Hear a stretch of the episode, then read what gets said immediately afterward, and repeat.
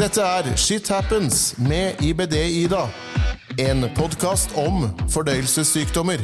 I samarbeid med Takeda. Vi går der ute i gater. Vi går på butikken, henter barn i barnehager, vi er på toget, spiser lunsj med venner, vi jobber, vi er foreldre, kjærester osv. Helt som alle andre. Der vi vandrer i travle gater, er det ingen som kan skille oss fra resten. For utenpå er vi friske. Innafor derimot bærer vi på historier, opplevelser, smerter, redsler, bekymringer og ikke minst en enorm styrke som oftest er helt ulikt friske. Vi bærer på kroniske, livslange sykdommer. Sykdommer som vi skal dø med. Friske utenpå, syke inni. En byrde og en styrke om hverandre. Og det er nettopp det som er tema for dagens podkast. Et tema som berører alle kronikere på tvers av diagnoser, alder og kjønn. Og med meg som gjest i dag har jeg Anette Wendelborg. Velkommen til meg, Anette. Takk. Før vi går inn på et tungt og spennende tema, så kan du jo få lov til å presentere deg sjøl. Hvem er du? Anette heter jeg, 29 år. Jeg jobber som gastrosykepleier og har diagnosen ulcerøs kolitt. Hvor lenge har du vært syk? Cirka et års tid, eller halvannet år, da, men Ja. fikk diagnosen for et år siden. Og så hadde du kanskje litt symptomer for det og sånn også. Så liksom Ja, et halvt års tid. Ja. Og det temaet her er jo eh, et tungt, eh, nært tema for de fleste av oss. Eh, det med at vi bærer sykdommer som ikke nødvendigvis noen vet om vi bærer før vi begynner å prate om det. ikke sant? Og det å bare kunne være en av mengden uten å ha den der merkelappen kroniker skrevet i panna, det er jo en velsignelse, det. De dagene hvor vi bare har lyst til å være som alle andre. Har du sånne dager hvor du bare tenker at yes, ingen trenger å vite at jeg er syk? Så jeg er veldig åpen om det, egentlig. Og det er, jeg føler at de fleste rundt meg, når jeg forteller at jeg har en diagnose, så er det ingen som ser på meg som syk, egentlig, i de omgangskretsene jeg har. Med mindre jeg er dårlig, og i en dårlig periode. Så jeg føler meg egentlig veldig heldig, sånn sett. Det er ingen som dømmer meg da, Nei, på det. og det er jo kjempebra. Så er det jo sånn at det, sykdom, det kan jo også være en forbannelse at ikke det syns utapå. Eh, fordi det kan føre til misforståelser, eh, baksnakking, eh, følelsen av å ikke bli trodd, men også utenforskap, også at man ikke eh, passer helt inn fordi man er syk. Eh, hvis vi starter litt med det her velsignelsen, da, eh, med at det, altså, hva er som er bra da, med å faktisk være usynlig syk? Eh, Har du noen tanker rundt det, eh, Anette? Det er jo på gode dager, så kan du bare, som du sier, da, gjemme deg litt bort. Det er ingen som trenger å tenke på det, eller se det, eller lure på. Da, hvorfor er hun dårlig, eller hva er det hun feiler, eller begynne å spekulere. Og det er, derre, eh, det er veldig deilig å kunne få lov til å være som alle andre. Eh, og i hvert fall hvis man er veldig syk og vært syk i mange år. Eh, det å kunne bare få lov til å være frisk, og spesielt hvis det er mye sykehus, mye ting som har skjedd over lang tid, eh, hvor mye av din identitet har blitt tatt bort eh, og bytta ut med mye sykehus, så er det veldig deilig å få lov til å ta, eh, lov, bare være en av mengden. Eh, slippe å, bli sett på som den syke. Forbannelsen, da? Hva er det verste? Hva er det verste med at dette her syns ikke? Det syns jeg er sånn i enkeltsituasjoner hvor du gjerne skulle at, skulle hatt det til at ting var litt lettere når du skal ut og fly, når du er på arrangementer. Du skulle gjerne liksom hatt det skrevet i panna. Ja. Jeg er syk. Og du fortalte jo eh, blant annet nå om en, eh, en konsert du var på. Ja. Nei, eller var det var et eller annet Konsert, ja, eller en festival. Ja, festival var det. Hvor du merka litt på dette her med, med nettopp dette du er inne på nå. Fortell. Ja, nei, det var eh, en festival utendørs hvor det var eh, fryktelig lang vei til en do. Mm. før i tiden ville jeg aldri stusset over det, men eh, akkurat denne gangen så skapte det bare hodebry. egentlig. Jeg gikk og tenkte på det hele kvelden. Hva nå hvis? Hva nå hvis? Og det er fryktelig slitsomt. Ja, og det er jo ikke sånn at det, eh, det nødvendigvis eh, er eh, godt tilrettelagt for de eh, som kanskje bruker rullestol og sånn heller. Det er jo absolutt dårlig tilrettelagt på sånne steder. Og det er klart det skaper mye bry for oss, spesielt, da, som trenger eh, do fort. Det er ikke snakk om én, to, tre. Nei. Det er, eh, vi, vi, det er Du klarer ikke å gå fem minutter Nei, til der hvor det det er er altfor doer. lenge. Og så må du kanskje stå i kø, og så Ja. Og da er det som sagt kjekt om du hadde syns utapå. Mm. Eh, og jeg er helt enig med at disse enkeltsituasjonene er eh, kanskje de aller viktigste. Eh, det er da man kjenner på, på det mest.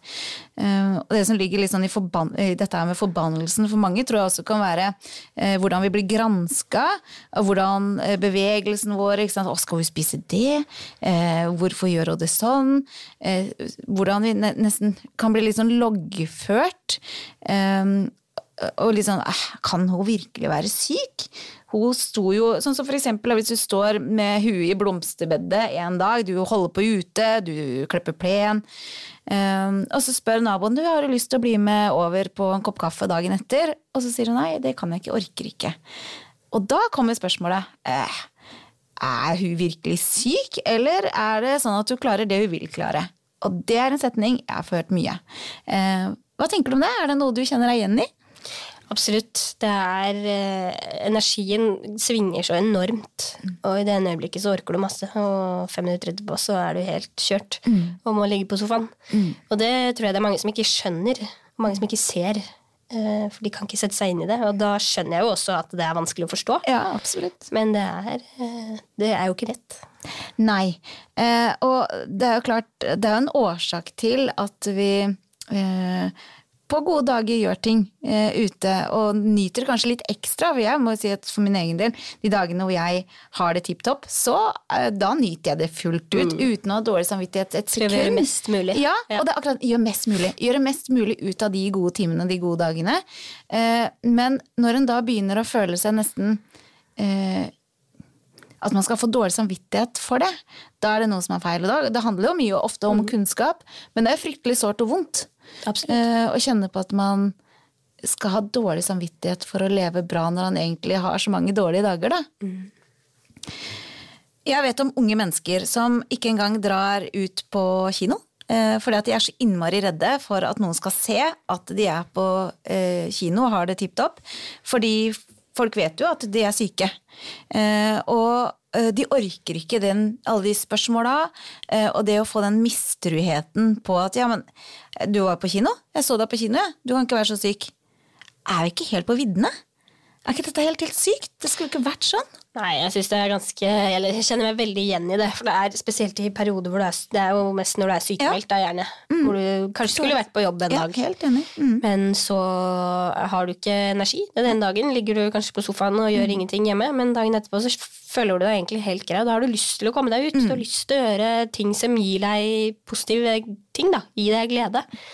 Og det er kanskje gå på shoppingtur, mm. dra på kino, mm. altså, det kan være hva som helst. Men man, man, får dårlig samvittighet for å gjøre det, fordi at man tenker å herregud, men jeg skulle jo egentlig vært på jobb. Mm. Så hva hvis noen ser meg? Ja. Altså, det tenker jeg veldig på. Det, og, og, den derre eh, Ja, en føler nesten at en eh, gjør noe feil da, ved mm. å gå ut enda Det kan kanskje være med på å gjøre eh, gjør deg fortere frisk. Absolutt. Eh, det der å gå ut og gjøre noe positivt. Er det noe som virkelig fortjener eh, disse gode stundene, så er det jo nettopp de som er hjemme og er syke. Er du langtidssykemeldt eller sykemeldt generelt, er du ufør, så skal du vel for pokker ikke begynne å ha dårlig samvittighet for å nyte de gode dagene du har. Nei. For de er allerede så begrensede eh, i forhold til friske. Og det verste er at jeg klarer egentlig ikke å bli så sinna. Altså, jeg blir mest skuffa. Jeg blir skuffa over uh, at det å ha en god dag skal gjøres til noe negativt. Mm. Jeg syns jeg er kjempetrist. Um, har du opplevelser hvor du har merka deg mistrodd, eh, eller der du har følt at noen har tenkt at du bruker sykdommen til din egen fordel? Uh, absolutt opplevd at folk uh, tror kanskje jeg bruker det til min egen fordel, mm. rett og slett. Uh, hvor jeg kanskje har vært veldig sliten og ikke har orket ditt og datt. Og så er det litt sånn der Men er hun, er hun faktisk så dårlig i dag fordi hun mm. ikke var det i går, som du sier, da? Mm. Og da føler jeg Det er jo ikke sikkert det er sant, men jeg føler jo at folk tenker, tenker det. Mm. At herregud, men hun gidder bare ikke. Bruker det som en unnskyldning. Mm. Har du noen gang gjort det? Nei, det tror jeg ikke. Det har ikke vært syk så lenge heller, da. Men uh, nei. Ikke hva jeg kan komme i tanke om, i hvert fall. Men jeg tenker at um, Jeg har sikkert gjort det en gang i barndommen. Jo, det, det er lov, det. Ja. altså, liksom, sånne små hvite løgner. Det, ja. Men jeg tenker at man, man skal jo um, en skal være litt forsiktig med å tenke og tro, men samtidig så er det så sårt. Det er som du sier, at det kan godt hende at ikke de tenker sånn i det hele tatt også, men det er så ja. sårt for oss. En er jo kjemperedd for at de skal nettopp ha de tankene der. Eh, hva kunne vi gjort da for å, å unngått at en skulle komme til sånne situasjoner? Det er et godt spørsmål, du. Det vet jeg Prate sammen, kanskje? Ja, kommunikasjon. Ja, er jo, er- Åpenhet er viktig. Ja. Mm. Jeg er veldig åpen. Det er jo, jeg kan snakke om hva som helst med hvem som helst. Kan si hva jeg feiler, og alle, kan nevne detaljer til en vilt fremmed. Og det, jeg tenker bare det gir, sånn som du sier, da. Åpenhet gir kunnskap, Ja. rett og slett. Jeg tror det kan være med på at uh, litt av den derre mystikken rundt eh, kronisk sykdom kan bli litt borte. Mm. for hvis de forstår at eh, jo, men selv om jeg så Ida i blomsterbedet i går, og hun ikke orker å være med på kafé i dag, så betyr ikke det at eh, det er dårlig. eh, At hun eh, ljuger, eller altså Det betyr at sånn er et liv med kronisk sykdom. Det er varierende. Og kanskje jeg måtte prioritere akkurat det der blomsterbedet da, den dagen, for det også handler jo mye om prioriteringene våre. Absolutt. Eh, Men forstår du da at noen velger å bli inne istedenfor å måtte forsvare seg sjøl? Ja. Jeg har gjort det jeg. Altså, jeg har holdt meg hjemme fordi jeg ikke orker å deale med hva folk skal tenke og tro. Og... Så jeg eh, blir som regel hjemme i sånne situasjoner. Hva er det som gjør at folk liksom har sånn stort behov for å skulle eh, enten gi oss disse tipsa og råda, eller Jeg syns det er kjempeinteressant, for at eh, si, si at du f.eks.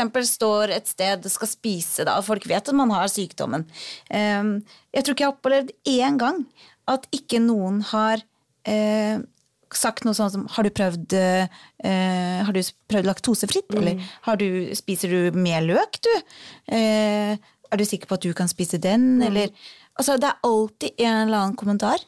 Det kommer alltid tips og triks fra hvert et hjørne, syns jeg. Og det er, folk mener det helt sikkert godt, men for, hvert fall for meg, jeg kan ikke snakke for alle andre, så er det en kjempefrustrasjon. For det er så individuelt. Og det, i mitt tilfelle så er det ingenting som hjelper. Altså, jeg kan spise det én ting en dag, og det går helt fint. Og så kan jeg spise det dagen etterpå, og så går det ikke fint.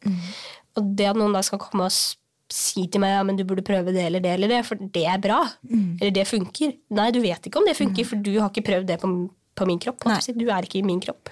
Og så er det noe med at det, det blir litt sånn bedreviter, eh, og så kan du få følelsen at ikke eh, Det er i hvert fall sånn jeg har tenkt når de rådene kommer, så får man nesten følelse at den eh, ja, at den ikke gjør en bra nok jobb som Ja. kroniker heller, For å liksom. prøve å være ja, du må frisk, prø liksom. ja, Ja. prøver du ikke hardt nok? Og det er kanskje det mest sårende en kan en få, da vil du liksom ikke bli frisk, du, da. Um, og jeg vet som sagt du sier at ja, det er ment godt og alt det der, men ja, frustrerende Ja. til de grader. Absolutt. Og dette her med at sykdommen vår ikke syns utapå, eh, gjør det jo ikke bare vanskelig for, eh, ja, for kollegaer, eh, for venner og andre perifere, men også for eh, våre nærmeste. Eh, det er jo nærmest helt umulig for friske å forstå at vi kan klare noe eh, nå, og så ti minutter etterpå så ligger vi og spyr og gråter, ikke sant. Det har rett og slett kollapsa. På generelt grunnlag, hvordan tror du det er å være pårørende til en kroniker? Det tror jeg er veldig vanskelig. Mm. jeg tror ikke det er lett i det hele tatt. Det er, eh, når man ikke har kjent på det sjøl, så tror jeg ingen kan sette seg inn i det. Du kan ikke prøve å liksom tenke deg til hvordan den personen har det, eller Men jeg tror som pårørende så er det det å bare stille opp, være der, vise at du bryr deg. Slett. Det som er mest frustrerende, tror jeg, sånn for Eller det som er trist, da, det er jo at per nå, eh, idet du får en diagnose eh, i- innenfor IBD, da, så eh, får du begrensa eh, tilgang til informasjon som kroniker. Og som pårørende så får du ingenting. Ingenting. Eh, og det er jo kanskje her eh, mye kunne vært gjort. For hadde man starta allerede der ved diagnostiseringa, så tror jeg nok eh, det hadde vært lettere å være pårørende, og jeg tror det hadde vært mye lettere å være syk. For det er så enormt som kunne vært gjort med god informasjon og kunnskap. Og så er det mye lettere å motta den kunnskapen fra eh, helsepersonell. Det er mye lettere for altså, Du kan bare si, snakke sånn hadde mannen min vært syk, så hadde det vært lettere for meg å kunne få snakke med en, hel, en, vilt, altså en som har kunnskap om sykdommen. Da. Eh, som jeg kunne stilt de spørsmåla uten å være redd for å såre, uten å være redd for å si noe feil, enn om jeg skulle sitte og spurt mannen min om de samme spørsmåla. Ja. I redsel for å si noe feil, eller gjøre han lei seg, eller spørre om ting han kanskje ikke har lyst til å svare på. Så eh, jeg skulle så innmari ønske at det hadde vært mer fokus på pårørendes kunnskap og informasjon. Gi dem tilgangen, om ikke annet. Vi kan ikke tvinge Nei, gi dem på det. mulighet Gi til dem å kunne mulighet, få vite ja. mer. Rett og slett. Og som, som eh, syk, hvor viktig er det at de nærmeste rundt oss har kunnskap? Alfa og omega, spør du meg. Det er eh, noe av det viktigste. Hvis den du lever med, eller de rundt deg, ikke aner hva det dreier seg om, så tror jeg det kan skape enda mer hodebry for en sjøl som pasient, en sjøl som kroniker, og da i hvert fall for min del, da. Jeg blir jo dårlig av indre stress og tanker og surr. Så det er viktig at de rundt deg også vet hva det dreier seg om. Jeg kan jo bare fortelle for min egen del, så uh, forsto ingen hva min sykdom var uh, før jeg begynte å skrive. Eh, og mamma og pappa de har hatt det kjempetøft. Eh, vi snakka om det her for bare noen dager siden. Fordi, eh, som mamma sa, vi, vi skjønte ikke. Vi så deg på sykehus, vi så jo du var dårlig. Vi hadde ingen forståelse av hvordan, det faktisk, hvordan du hadde det. Det, det var jo ikke snakk, det var ingen som snakka, det var ingen som tok mamma og pappa til side og lærte de om sykdommen. Det var, null! Og da var jeg 17 år. Um, så som mamma sier, det er først uh, når jeg begynte å, å skrive om det, og hvor de kunne lese om hvilke ting jeg var igjennom De var ikke med inn på undersøkelsesrom. De vet ikke hva som foregår der. De vet ikke hvor, uh, hvordan sånne opplevelser faktisk kan sette seg fast i, i sjela di og gjøre noe med deg som menneske. Det forandrer deg jo. Det å bli syk forandrer deg. Um, så ja, jeg må virkelig si at dette her med å ikke ha en sykdom som syns utapå med i forhold til din nærmeste, er kjempevanskelig. Um, og så er det så lett å fikse, egentlig. Jo, hva, hvis du skulle hatt Vi tenker sånn drømmesituasjon, da. Eh, hvis du nå skulle det hadde kommet en, en pårørende til deg som sier at mannen min har blitt eh, syk, har fått eh, IBD. Eh, hva kan jeg best gjøre for å hjelpe? Bare være der.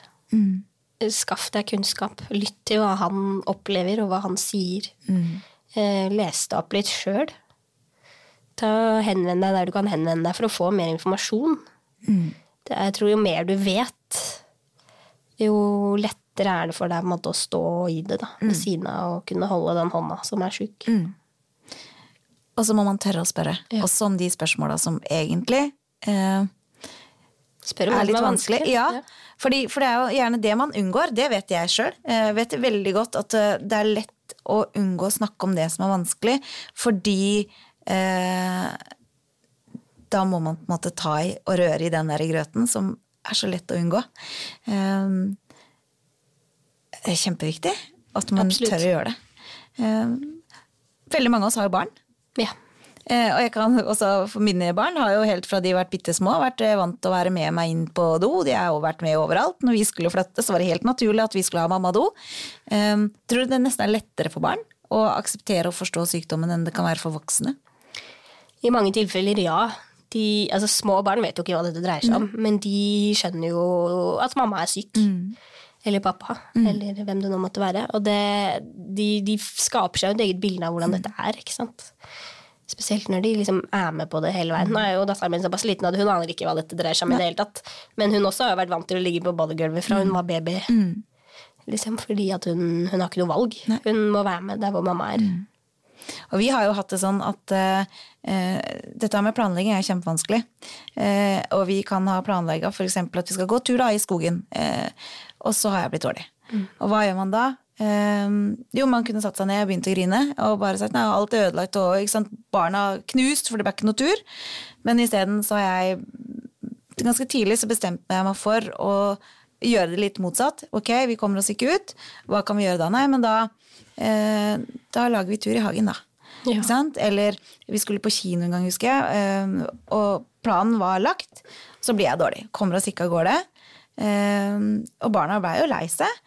Og så fant vi ut nei, men vi lager kino hjemme. Og tok da opp i senga, hadde popkorn. Så det handler jo noe om å prøve å snu situasjoner. Ja. Um, og ettertid da så kunne barna komme og si å, kan ikke vi ha sånn kveld igjen, da?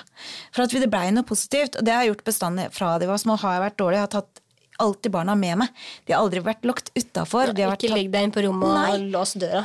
Tatt dem med inn i situasjonen, la de spørre spørsmål, la de bli forklart. Nei, da kan ikke mamma. La de mamma. se at man er dårlig. Ikke nødvendigvis kanskje på det aller verste. Det kommer jo an på hvordan disse barna er, og hvem de er, og hva de tåler. Det er jo så individuelt. Men, men det at barna kan se at du er syk, det tror jeg er veldig viktig. Jeg tror det gjør de til ekstremt gode eh, medmennesker.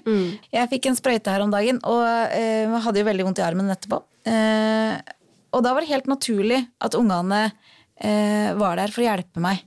For at de visste jo da på forhånd, og det tror jeg ikke de hadde brydd seg om eller tenkt om hadde det ikke vært så naturlig for dem å se en mamma som ikke er helt som alle andre. Eh, og i et intervju en gang så fikk også dattera mi spørsmål åssen er det å ha en mamma som eh, er syk. Eh, og da var ikke hun mer enn kanskje fem-seks år, og da svarte hun ja, men jeg har jo ikke hatt noe annen mamma enn dette. Og dette her er helt, og hun var liksom helt fornøyd med den mammaen hun hadde. Så det er jo noe med, eh, Vi kan ofte ha dårlig samvittighet eh, for at ikke vi er bra nok for barna våre. Men ofte så er vi jo mer enn Så lenge de får kjærlighet og trygge rammer, så De er tror jeg det skal gå bra. Har du hatt dårlig samvittighet overfor barna dine? da? Eh, ja, altså Enkelttilfeller. Nå er jo hun veldig liten, og det er Jeg har ikke vært syk så lenge, så det er ikke så mye å ta av. Men jeg har hatt enkelte perioder hvor eh, jeg har ønsket å gjøre mer ting med henne. Komme oss ut, gå på tur, gjøre sånne ting. Men hvor jeg bare ikke enten orker, eller hvis jeg har måttet ta en do i nærheten, eller sånne ting hvor jeg ikke føler at vi kan gjøre det. Og da blir man jo hjemme, og det blir en, jeg føler det blir en veldig kjedelig hverdag for henne. da. Bare være inne, og mm. og blir kanskje litt mer TV enn normalt. Og, ja. Så det, det er jeg absolutt kjent på. Det er jo en kjent, den der dårlige samvittigheten, og den tror jeg man ikke kommer utenom. Eh, Og jeg tror det er viktig det du sier om at man, man må bare innse at det er sånn det er, og gjøre det beste ut av det. Eh, Men jeg tenkte på, du vet, disse her eh, det å skulle gå på do i offentlige rom. Der har jeg ofte tenkt, når vi er inne på dette med, med å ikke sykdomssyns utenpå sånn. Eh, Jeg hørte om en historie for ikke så veldig lenge siden hvor det var en som måtte på do. eh, Og eh, der var det sånn nøkkel du måtte hente. Sånn, hva heter det, handikap-do. Hvor han fikk svar at det fikk han ikke. Han kunne gå på vanlig do. Og den personen var heldigvis såpass smart, altså trygg i seg sjøl at han forklarte ganske tydelig at uh, han måtte ha det fordi han skulle på do. Uh, I sånne situasjoner så tenker jeg at det å ha hatt en sykdom som syns utapå, hadde vært veldig kjekt. Det er veldig mange som tror at handikap-doer kun er for de som bruker rullestol. Sånn er det jo ikke. Har du følt eh, eller hørt om noen som har eh, fått litt sånn stygge blikk, eller Nei, ikke egentlig, men jeg har tenkt veldig mye over det sjøl. Ja. Vi var en del ute og fløy nå i sommer, og da tenkte jeg ekstremt mye på det. Eh, Det å ha tilgang til en do, rett og slett. Det Ja, nei, det er eh, Jeg tror ikke det er noe lett for noen. Men, eh, men det er som du sier, at handikapdoene er jo ikke bare for de som sitter i rullestol. Nei. Men jeg tror ikke folk tenker over det. Du kan ingen- nesten- Jeg tenkte ikke over det før. Nei, det akkurat det. Jeg trodde det bare var til de som satt i rullestol. Men nå vet jeg jo at man har mulighet. Men det er på en måte, står du der da, og har trangen til å må på do. Du har ikke tid til å stå og forklare Nei, hvorfor du må på den doen heller. Så jeg velger ofte bare det lettere alternativet. Jeg, altså. Og da får folk sitte og høre på det. Mm. Ja, ja. Det- Sånn er det bare. Ja, ja, og det er jo det mest naturlige ting i verden. Så, men nå må det jo også sies at det, det fins eh, dokort som eh, ikke nødvendigvis Det er jo ikke lovpålagt å gi deg tilgang til doen, men allikevel så er det eh, Jeg tror ikke jeg har hørt om noen som ikke har fått låne doen med å vise fram dette Det dokortet. kortet har jeg faktisk, men det har jeg ikke trengt å bruke. Jeg Nei. tok det med nemlig på de flyturene, Ja, fordi at jeg tenkte å, kanskje. Ja, det Og jeg hadde tenkt å liksom si ifra på forhånd og liksom være litt føre var, men det gikk heldigvis veldig bra. Slapp å gjøre det. Men, eh, det er, du er jo konstant bekymra for at det ikke er en do i nærheten. Og den tror jeg også det er vanskelig for folk å forstå. Hvordan den konstant må ha i hodet sitt hvordan alt er. Altså Andre går på en konsert, de tenker ikke tenker på noe. Tror du det kan være frustrerende for de rundt oss? At vi er Altså, jeg vet ikke hvordan det er for de rundt oss, men sånn jeg opplever det veldig frustrerende mm. sjøl. Du hører ofte Du uttrykker en frustrasjon, da. Ja. 'Å, herregud, her er det langt til toalettet. Hva gjør jeg hvis det går Mm. Så får du bare den bare 'Åh, men det går bra'. Det går nok bra. Ja. Får du bare tilbake. Det går nok fint. Nei, det går ikke fint hvis jeg må på do. Men det er ikke sikkert du må det, men hva hvis? Det er jo en grusom situasjon å stå i. Og det er jo ikke på en måte situasjonen som skulle dukke opp som er verst, syns jeg. Det er det der med at du hele tiden går og tenker over det. Ja. Du stresser og stresser og stresser, og det i seg sjøl gjør meg dårligere. Fordi du hele tiden går og det surrer opp i hodet, da. Du skal hele tida være føre var. Ikke Ja. Du må konstant Hvor enn du er. Mm. Og dette med do er faktisk eh, mye, mye et, et mye større problem enn folk eh, forstår. Og det er jo, som jeg har sagt i alle foredrag, det første jeg gjør når jeg kommer inn et nytt sted, finne ut av hvor doen er. Eh, og er den i grei eh, avstand, ok, da slapper jeg. Er den ikke, da begynner man å legge planer på hvordan man skal komme seg fortest ut. Mm. Det er slitsomt. Kjempeslitsomt for de som lever med det der. Hvordan eh, skal vi få liksom, eh, kunnskapen om dette her ut, da? Hva skal vi, hvordan skal vi få folk til å skjønne at det ikke bestandig sykdom syns utapå? Du, det aner jeg faktisk ikke. Skal være åpne. Mm, du hold, gjør jo det ved å ha denne podkasten. Ja, men så er det det? Jeg når jo fram til syke, stort sett. Eh, Det er jo det der ønsket om at vi syke skal også nå fram til de som faktisk trenger å høre dette her, og det er jo våre pårørende. Vi kan invitere de til å høre på podkastepisodene. Vi tenker at det kan de lære mye av. Ikke bare denne episoden, men generelt høre på hvordan andre har det. Men øh, jeg skulle ønske man hadde liksom den derre Sånn skal vi få de til Ja. å skjønne mer. Det tror jeg aldri kommer til å dukke opp. Nei. Tror det kommer til å være et sånt mysterium. I hvert fall i lang tid. Ja. Og så blir vi jo skikkelig gode på å late som òg, da. Ja. Vi er jo drit gode på å late som. Altså, et, det der med å holde den maska og, og late som vi er friske når vi ikke egentlig er det. Altså, jeg har gått på, i barnehagen og henta barnet og eh, altså vært klissevåt på ryggen eh, av svette fordi man har så vondt, og jeg har smilt, og jeg har klemt unger, og jeg har gått hjem, og jeg har grinet. Ja, stått på butikken og pakka varer og skjelve. Ingen som kan se noe. For er det noe man er god på som kroniker, så er det å holde den maska. Man trenger det. Så vi kan kanskje takle, takke oss sjøl litt òg, da. At ikke vi blir trudd bestandig, fordi vi blir litt, litt for gode på å holde den der maska. Vi nærmer oss slutten, Anette. Uh, har du noen råd da, til eh, syke? Hvordan, uh, hvordan skal vi få disse friske til bedre forstå? Uh, hadde, hvis du hadde møtt noen, hva hadde du sagt? Vær åpen. Del kunnskapen din. Ja. Det er du som sitter med, med kunnskapen. Du vet hva som er best for deg. Del det med de rundt deg. Og det er jo så individuelt også, ikke sant? Så det er som med å dele den kunnskapen du har, få de til å lytte til deg. Det er mye du kan lese på nett, og det er bra, det også. Men, eh, men det viktigste er å formidle hvordan du har det, og hva du trenger, og hva du opplever. At dette er et vanskelig tema, det er jo ingen tvil om. Og kanskje er det at sykdommen ikke syns utapå en god ting sånn alt i alt. Eh, man kan eh, gjemme det bort når man ikke har lyst. Eh, uansett da, så er jo eh, nøkkelen her åpenhet. Eh, og nøkler kan låse opp eh, lukkede dører. Så vi må være glad for at vi har de mulighetene der også. Tusen takk for at du kom til meg da, Anette. Takk for at jeg fikk komme. Det er noe med at eh, sammen eh, så kan vi åpne noen eh, stengte dører, og kanskje også klatre og rive ned noen murer ved å snakke om hvordan det er å være syk. Husk at åpenhet det gir kunnskap, og kunnskap det gir trygghet. Om du har spørsmål, ønske om tema, lyst til å være gjest, eller kanskje har en unik historie, så send en mail til ibd-ida.outlook.com. Jeg er på Facebook som ibd-ida, og på Instagram som shithappens understrek med understrek ibd-ida. Følg meg gjerne for å få linker til alle podkastepisoder, personlige erfaringer og masse kunnskap rundt IBD. Til vi høres igjen, et sykt liv er et annerledes liv enn et friskt rett, men annerledes kan være fantastisk om annerledes er det eneste alternativet du har. Du hørte Shit Happens med IBD-Ida. En podkast om fordøyelsessykdommer. I samarbeid med Takeda